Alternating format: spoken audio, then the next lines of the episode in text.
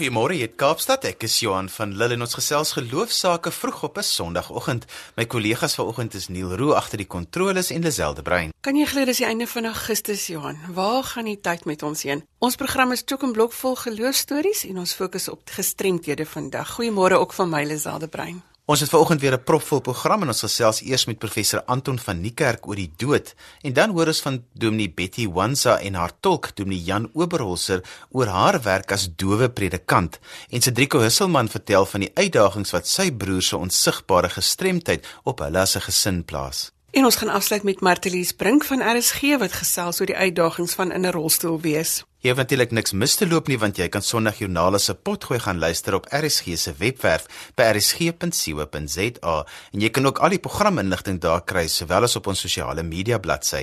RSG se webblad het 'n roterende band aan die bokant en daar kan jy ook gaan kyk na die fiksheidsroetine om jou lyf reg te kry vir die somer.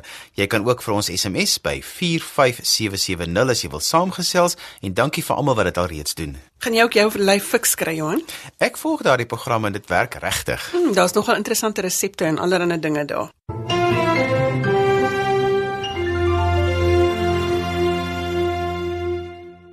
Professor Anton van Niekerk is die direkteur van die Sentrum vir Toegepaste Etiek, 'n uitgeleese professor in filosofie by die Universiteit van Stellenbosch, en hy is by ons in die ateljee om te gesels oor die dood. Goeiemôre professor. Môre Lisel, môre Johan.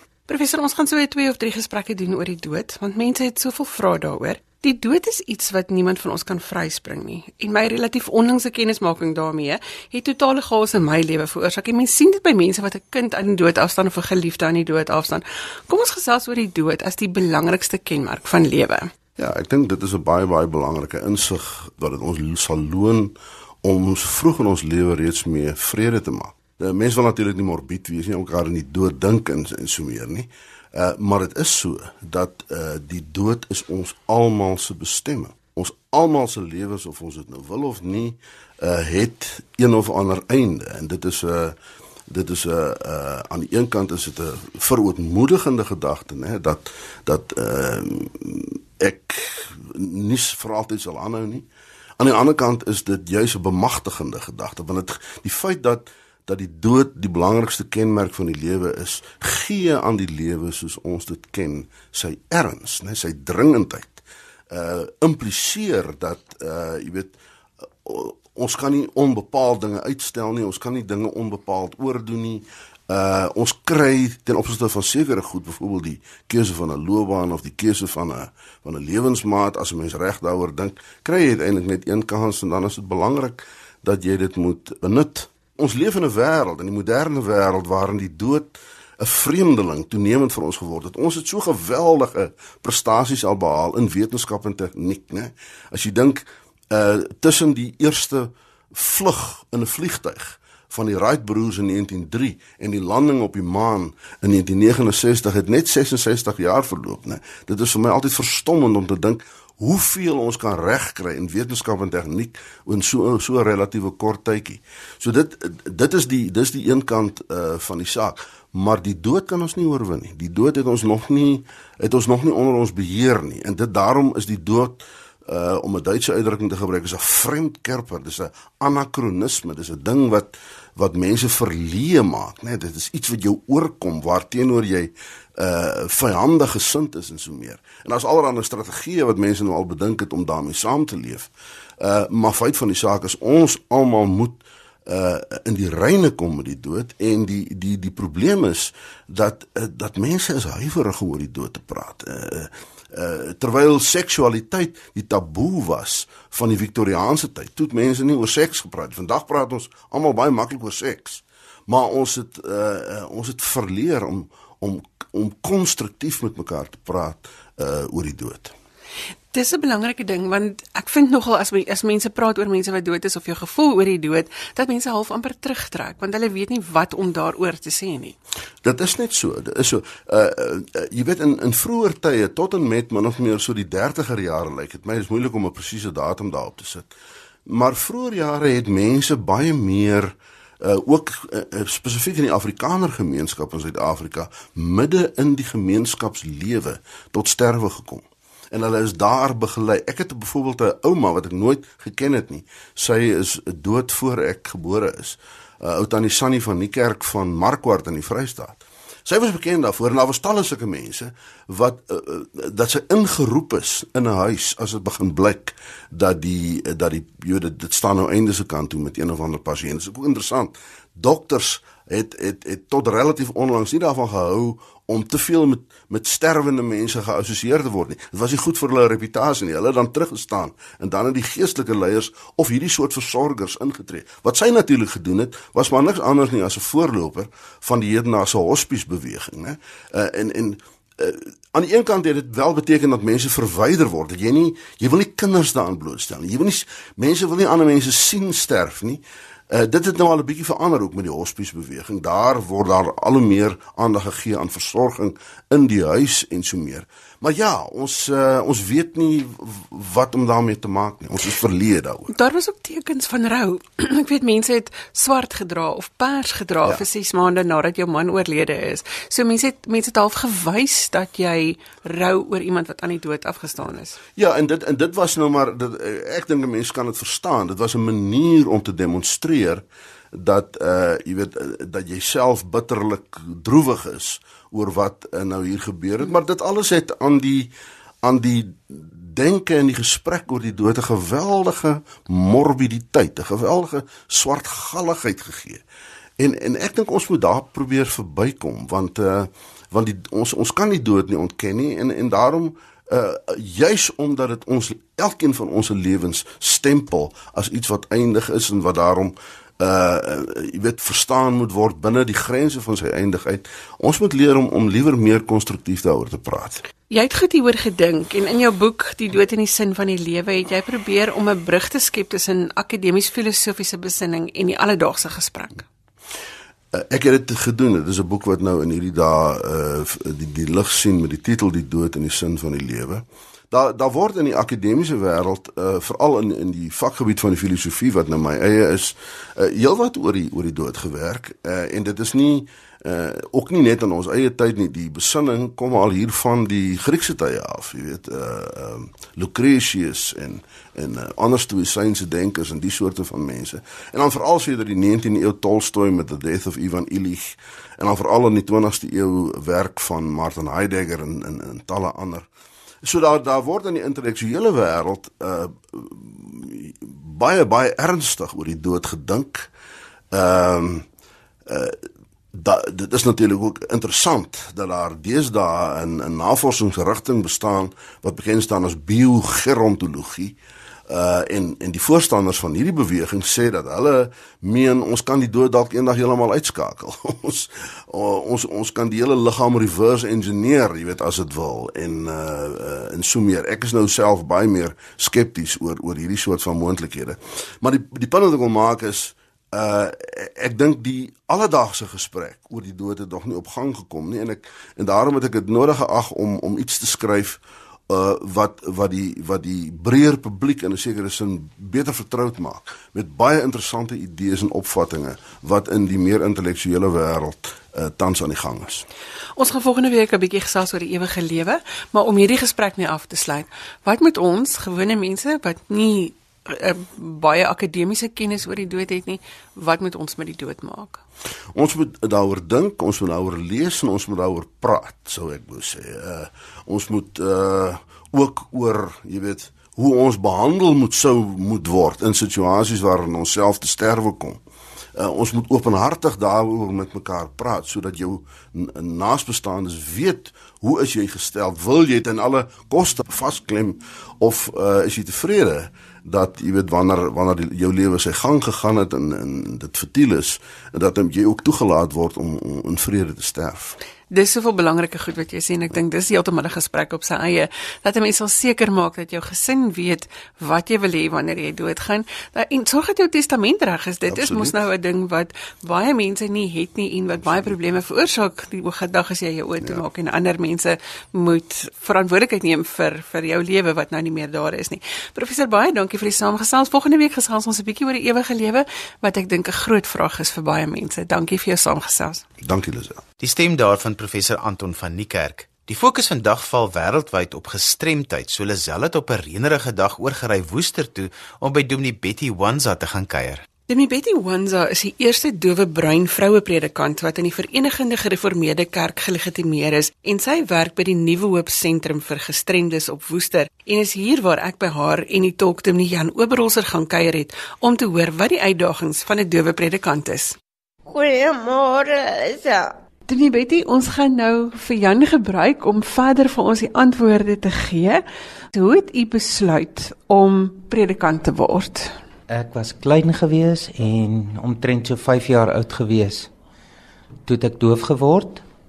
Maar voor daardie tyd het ek vir my mamma gevra wanneer kom Jesus? En my ma het altyd geantwoord Jesus kom op Kersdag. Op Kersdag het ek presies doof geword op daai Kersdag. En toe het ek vir Jesus gesien op daai oomblik. As ek by die huis het, het ons godsdiens gehou want ek was in die koshuis op Woester. Maar dit was omtrent so 1977 het ek na Nuwe Hoop Sentrum vir Gehoorgestremdes gekom. En ek het baie alleen gevoel want ek was horend geweest maar toe het ek doof geword en toe besef ek maar al die dowes praat met gebaretaal en hulle is doof. En my ouers het my baie godsdienstig groot gemaak en dit is waar die saadjie geplant is. Ek het byvoorbeeld by hulle geleer hoe om in die weë van die Here te wandel. Toe ek by Woester gekom het, het ek nog altyd 'n liefde vir Jesus gehad in my hart en met hulle opvoeding het hulle vir my geleer om vir Jesus lief te hê al was ek 'n dowe persoon. Maar byvoorbeeld in die eredienste het ek baie alleen gevoel want daar's nie regtig iets vir dowes gewees nie en ek het soos gevoel my hande is afgekap as dowe. En vir jare het ek gewonder wat gaan ek doen vir die Here? En daar was 'n proponent Tony Sali wat gewerk het hier by Nuwe Hoop Sentrum as geestelike werker en ek het hom ontmoet en ek het heeltyd na sy voorbeeld gekyk terwyl hy gepreek het in gebare en sy voorbeeld van sy lewe het my baie diep getref. En dan het hy byvoorbeeld vir my gevra eendag om ook te preek en daarna het ek gereeld gepreek. En van daai tyd af het ek so brandende begeerte gehad om vir die kinders ook 'n boodskap te preek. Die kinders het later vir my gesê maar ek moet ook gaan om opgelei te word as predikant. En toe die Here vir my gesê maar ek moet luister wat die kinders vir my sê om wel te gaan vir opleiding. Maar my lewenspad met God was maar krom en skeef.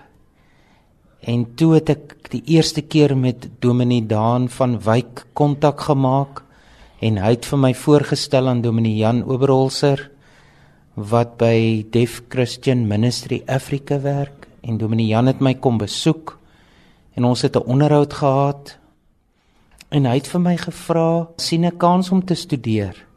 Want onthou, daar is ook 6 ander studente in die klas, maar hulle is Engels. En as jy kan sien om ook in Engels opgelei te word, dan kan jy kom. En daar het ek besef, maar ek sal. Maar ek is baie bly dat ek ook in Engels 4 jaar opleiding gehad het, want nou kan ek baie beter in Engels praat. Maar ek kan nie skryf in Engels of ek kan bietjie verstaan, maar dit, my Engelse taal vermoë het gegroei. Ek dank die Here dat hy my geroep het vir hierdie werk. Dat ek ook kan sien dat my hart verlang om net vir hom te dien alleen. Lisel. Danny Betty, vroue het baie uitdagings in hierdie wêreld, maar wat was vir jou as 'n dowe vrou die grootste uitdaging in jou bediening? Dit is vir my om verstaan te word in gebaretaal wat my eerste taal is vir mense om my te verstaan. Mense moet byvoorbeeld vir my 'n prent wys eerder as dat hulle met my praat. Sonder die visuele beeld kan ek nie eintlik verstaan nie. As hulle net praat, hoe kan ek regtig hulle spraak lees en hoe kan ek verstaan? So byvoorbeeld gebaretaal is 'n belangrike deel van my kommunikasie. As mense gebaretaal leer, kan hulle kommunikeer. Dit is 'n groot uitdaging vir hoorendes om gebaretaal te praat, maar ek glo dat as 'n persoon wil het om dit te leer, dan kan hulle dit leer.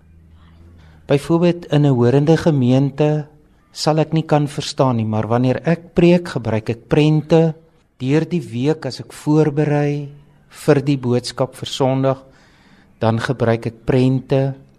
Hoorendes vra vir my, "Maar hoe kommunikeer jy met dowes?" Dan sê ek deur visueel prente te wys, die visualiteit raak vir my baie diep. Ek dink ook toe ek klein was, daar was Dominic Grant wat nou oorlede is, het baie prente gebruik en vir my as klein kind as leerder by Nuwe Hoop Sentrum het hy byvoorbeeld die diere wat in die ark ingegaan het visueel voorgestel en nou het ons natuurlik 'n uh, PowerPoint soos wat ons sê en ons kan dit ook laat beweeg deur animasie en die kinders geniet dit geweldig. So een van die uitdagings is kommunikasie. Dowe bediening is baie harde werk. Byvoorbeeld as jy net een prent kry wat nie regtig die boodskap van die Bybel oordra nie, dan het jy dit mis. Dominee Betty, jy inspireer vir my om nou self my hande hier te gebruik. Ek wil graag vra wat is jou visie vir jou gemeente en jou gemeenskap? My visie vir die gemeenskap, vir al die bruin mense hier in Woester is kom ons bou 'n brug in hierdie brug is om saam met horende mense te staan.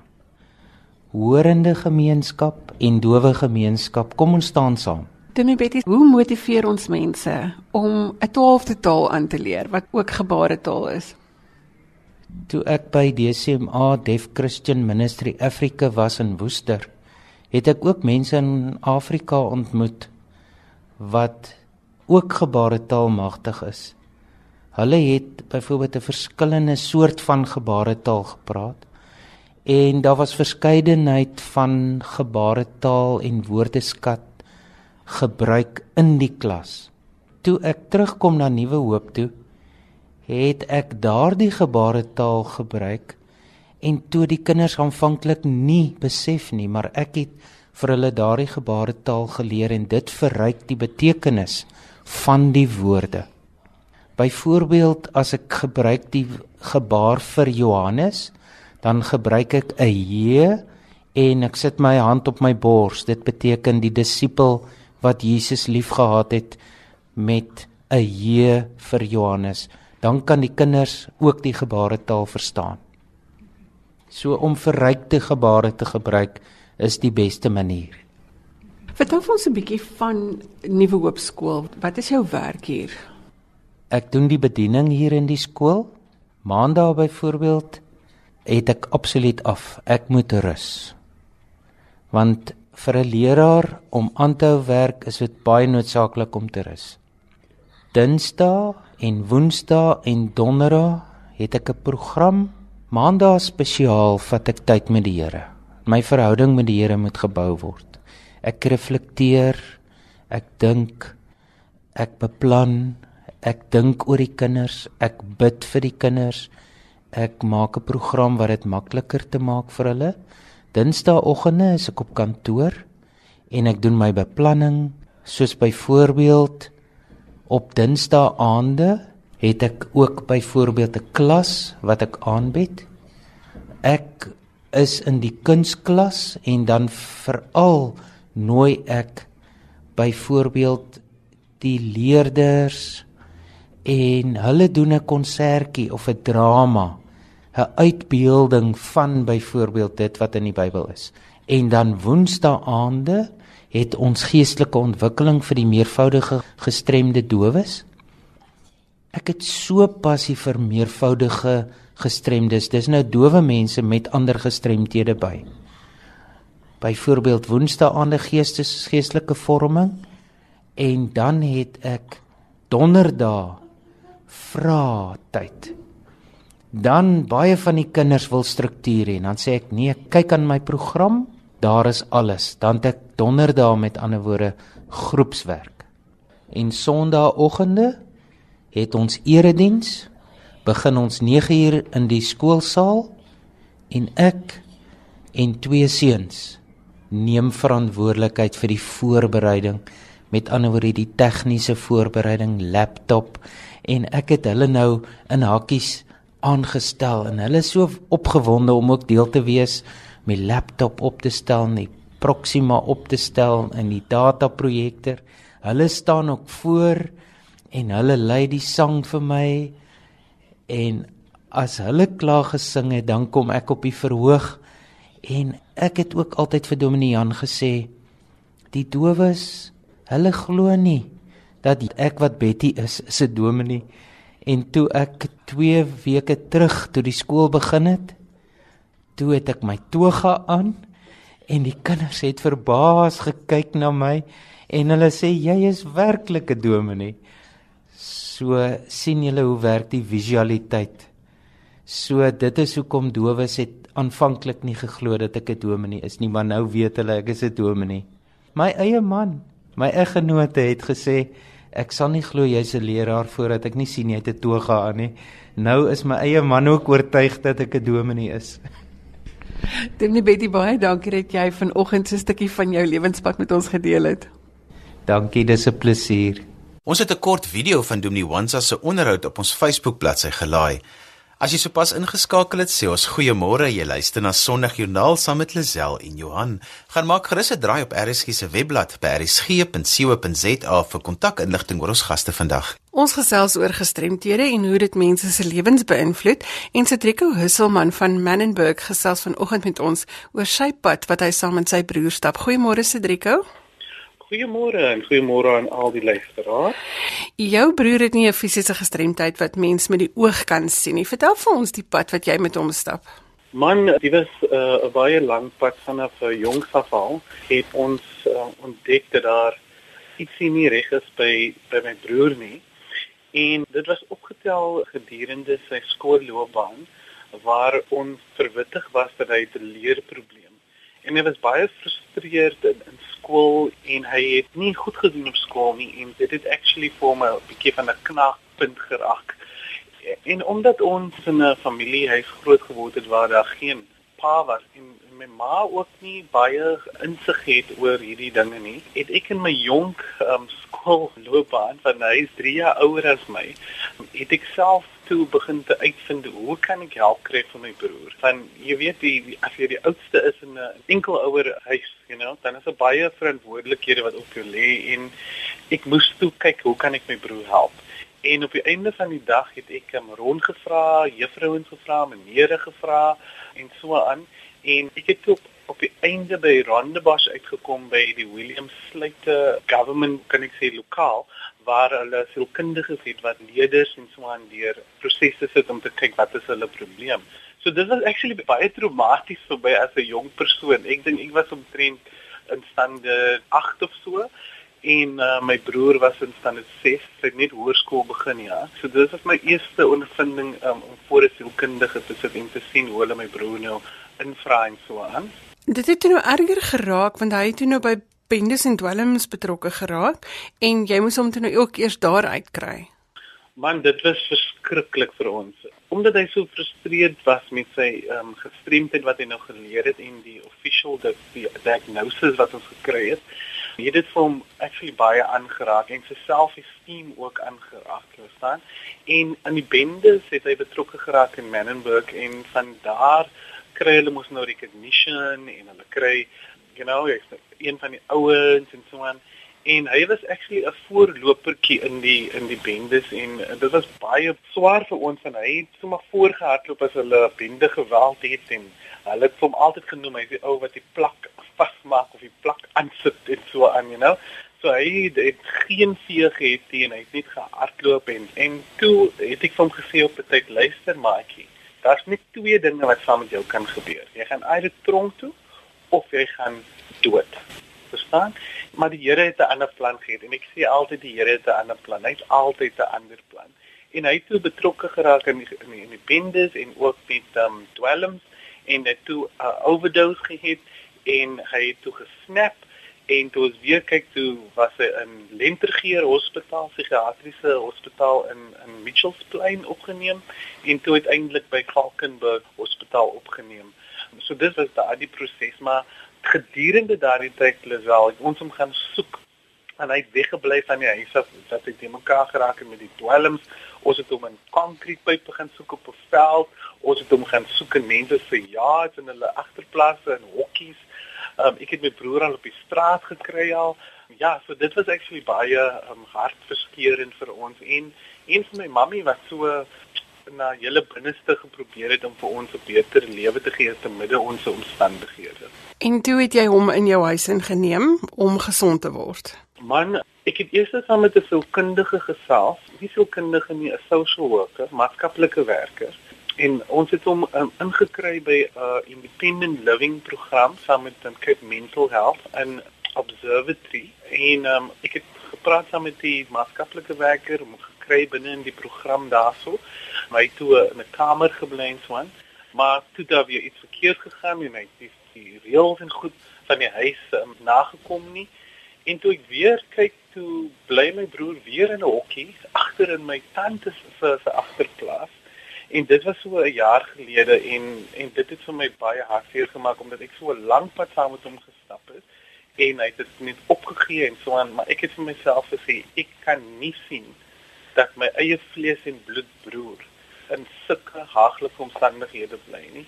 En ek het hom toe in my eie huis ingeneem en hy's nou al vir so 'n jaar of so is hy nou al in in my huis in en so aan en nou is ek weer besig om te sien hoe kan ek my broer support sodat hy weer op die been kan kom. Cedrico, wat gebeur met jou eie geloofspad wanneer jy elke keer voor hierdie uitdagings te staan kom nou al vandat jy 'n jong seun was op skool wat jy elke keer hierdie leiding moet neem? Man, jy weet as jy as jy niks het nie en jy mense om jou wat in jou glo mense wat jou inspireer, mense wat jou oplig, mense wat jou um wys waar jy kan oplossings kry. Sê altyd is uh, in Engels hulle um it's not the wealth that makes you wealthy, it's into access to information that creates wealth. You know? So uh, mense wat vir my inligting gee, mense wat my help, mense wat my my uh, opsies gee in die lewe, hulle stig my. En ek kan nie anders help om dieselfde te doen vir ander mense rondom my nie en en dit motiveer vir my om vir ander ook um te sien dat hulle 'n beter lewe kan hê en hoe nader aan my hart my eie broer as my eie um bloedbroer om te sien hoe ek vir hom 'n beter lewe kan gee en dit inspireer vir my en dit maak vir my goed laat voel dat ek kan omgee en dat ek kan um uh, ook vir vir hom ook 'n beter lewe gee daar is baie baie struikelblokke Lisel. Ek kan nie lieg vir jou nie, want ek het my eie familie. Ek het my vrou, ek het my twee kinders, ek en ek maak twee meisiekinders. En so dis baie obstacles en baie dinge wat ek in ag moet neem. My safety van my twee dogtertjies, hulle is maar net 7 en 11 jaar oud. Ehm um, en dan die vragies wat my vrou ook vra en haar bekommernisse ook en so aan. So so dis baie struikelblokke, maar op die einde van die dag wil ek net weet dat almal in my onmiddellike familielewe sowel 'n interne soos hulle sê in Engels nuclear en extended gelukkig is en safe is en dit dit is vir my belangrik. Cedric, baie dankie dat jy jou storie met ons gedeel het en vir ons gehelp het om ook te verstaan dat gestremdheid nie altyd sigbaar is nie.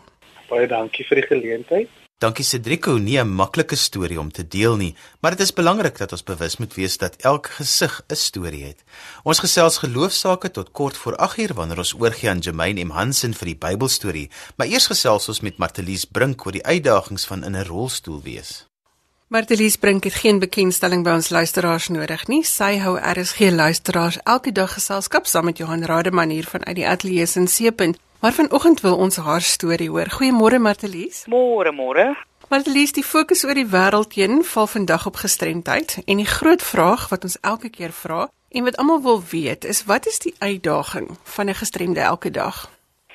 Jong ja, daar's uh, baie en ek dink elke mens het maar sy eie uitdagings in die lewe of hulle nou 'n gestremdheid het of nie kom ons begin by die fisiese. Ek dink die fisiese uitdagings is maar net 'n ding wat 'n mens nogal baie keer onderkry wanneer jy in 'n wêreld beweeg wat nie geplaas is om dit vir jou toeganklik te maak nie. So ek voel baie keer daar word geweldig gediskrimineer. Ons gebruik nie daai term nie want jy weet jy behoort nie aan 'n rassegroep of 'n geslagsgroep nie, maar ek voel daar word eintlik geweldig baie gediskrimineer teen gestremde persone en as iemand sê ja maar dit kos klomp geld om 'n gebou toeganklik te maak, alle begrip daarvoor, maar op die ou end beteken dit die persoon is uitgesluit van toegang. Ek maak altyd groot ophef daarvan as mense die moeite gedoen het om byvoorbeeld 'n restaurant toeganklik te maak of oprit in te sit waar daar nie een was nie. So groot waardering vir mense wat dit reeds doen, maar ek dink daai is een van die groot uitdagings die feit dat daar mense is wat nou maar die tipiese dit raak ons so klisjé ons praat so baie daaroor maar rolstoelparkering gebruik wat hulle nie moet gebruik nie. Dit is 'n daaglikse ervaring vir my. Jy kom by die rolstoelparkeer area en daar staan iemand sonder parkeer geregtige disk as ek dit maar so kan stel daar die kaart wat sê die persoon mag daar parkeer en dan voordat jy nou sê ja maar dalk het iemand anders gevoer en kom die persoon uitgestap lekker klim in 'n kar en ry weg. So, ek meen sien dit baie en as hulle sê jammer, was nie vir hulle maklike parkering gewees nie, dink ek maar ek kan nou glad nie parkeer nie. So daai tipe van dinge is maar uitdagings en dan dink ek ook ehm um, mense se houding weg van die noodwendig fisiologiese kwessies. Ehm um, Wel, voordat ons nou dan by die houding kom, as mens fisiologies dink, is dit ook maar net nie maklik om 'n sitposisie in te neem elke dag nie. Ek dink ehm um, die sit is 'n stryd vir spesifiek dan mense in rolstoele as ek nou daarop kan fokus. Ek dink dit is 'n groot uitdaging. En jy praat nie van jou rug nie, jy praat letterlik van die die sitvlak area wat maar geweldig baie pyn veroorsaak. So dit hang natuurlik nou af of jy gevoel het of nie, maar dit is iets wat dit is een van jou grootste vyande is om te sit.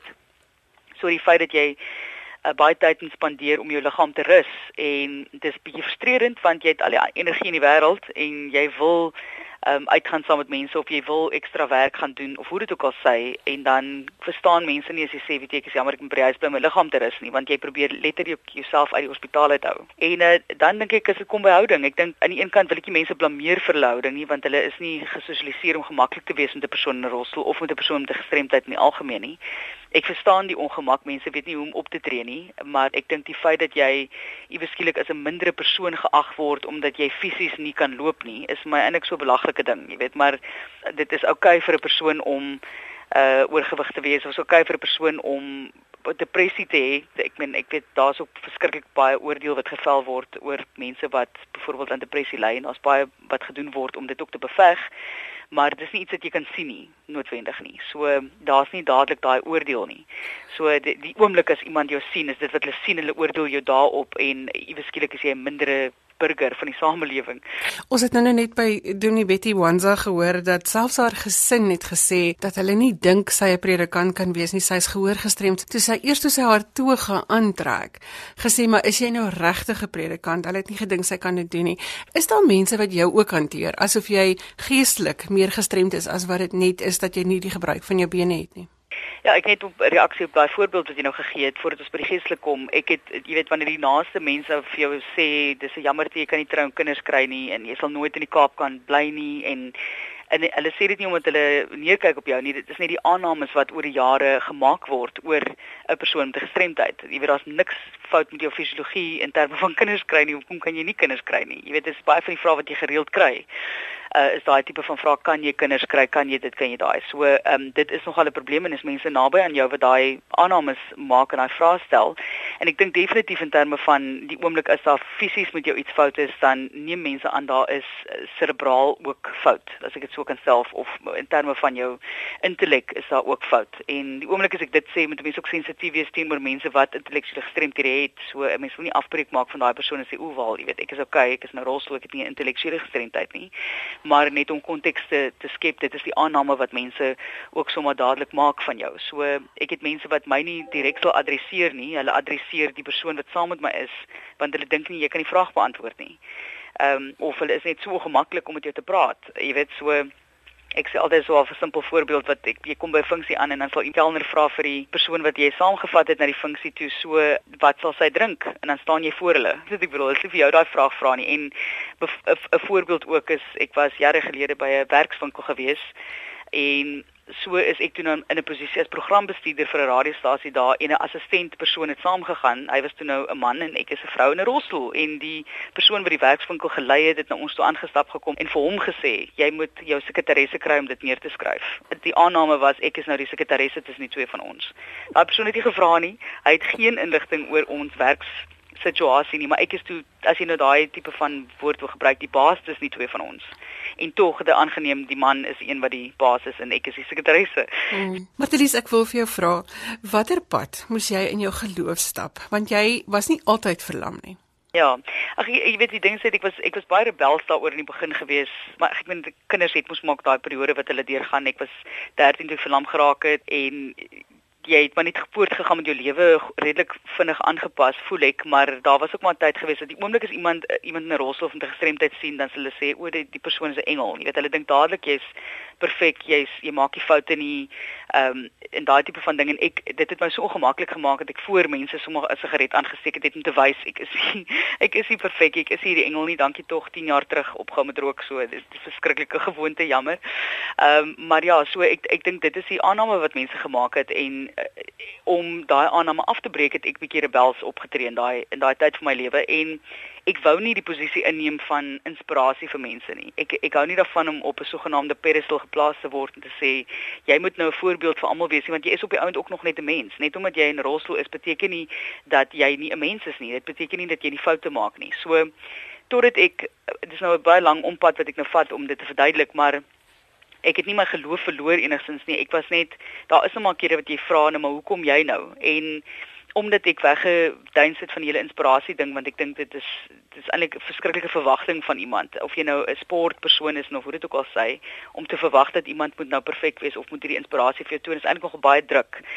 Maar toe ek nou by RSG begin het en so na jare kry ek die terugvoer van mense en as hulle persoon vir my vir jou sê hoorie Matlies ek het ek het depressie en ek staan word die oggend wakker en ek dink vir myself ek kan nie opstaan nie, ek het nie die krag om op te staan nie en dan sit hulle die radio aan en jy klink opgewek en dan sê hulle maar as sy kan gelukkig klink dan kan ek dit ook doen. Verstaan jy en en net en ek het oor en oor daai tipe van terugvoer van mense gekry. En ek sê ek het vrede gemaak, maar ek het ek wou eintlik maar net 'n gewone pad gestap het in die lewe. Ek het ek het nie gevra vir 'n vir 'n verskriklike fantastiese loopbaan nie. Ek het nie vreeslik ambisie gehad nie. Ek wou net 'n gewone lewe gehad het. En dan kom God en hy sê vir jou, "Oké, okay, maar ek is nou jammer vir jou, maar ek gaan nou vir jou 'n ander pad gee."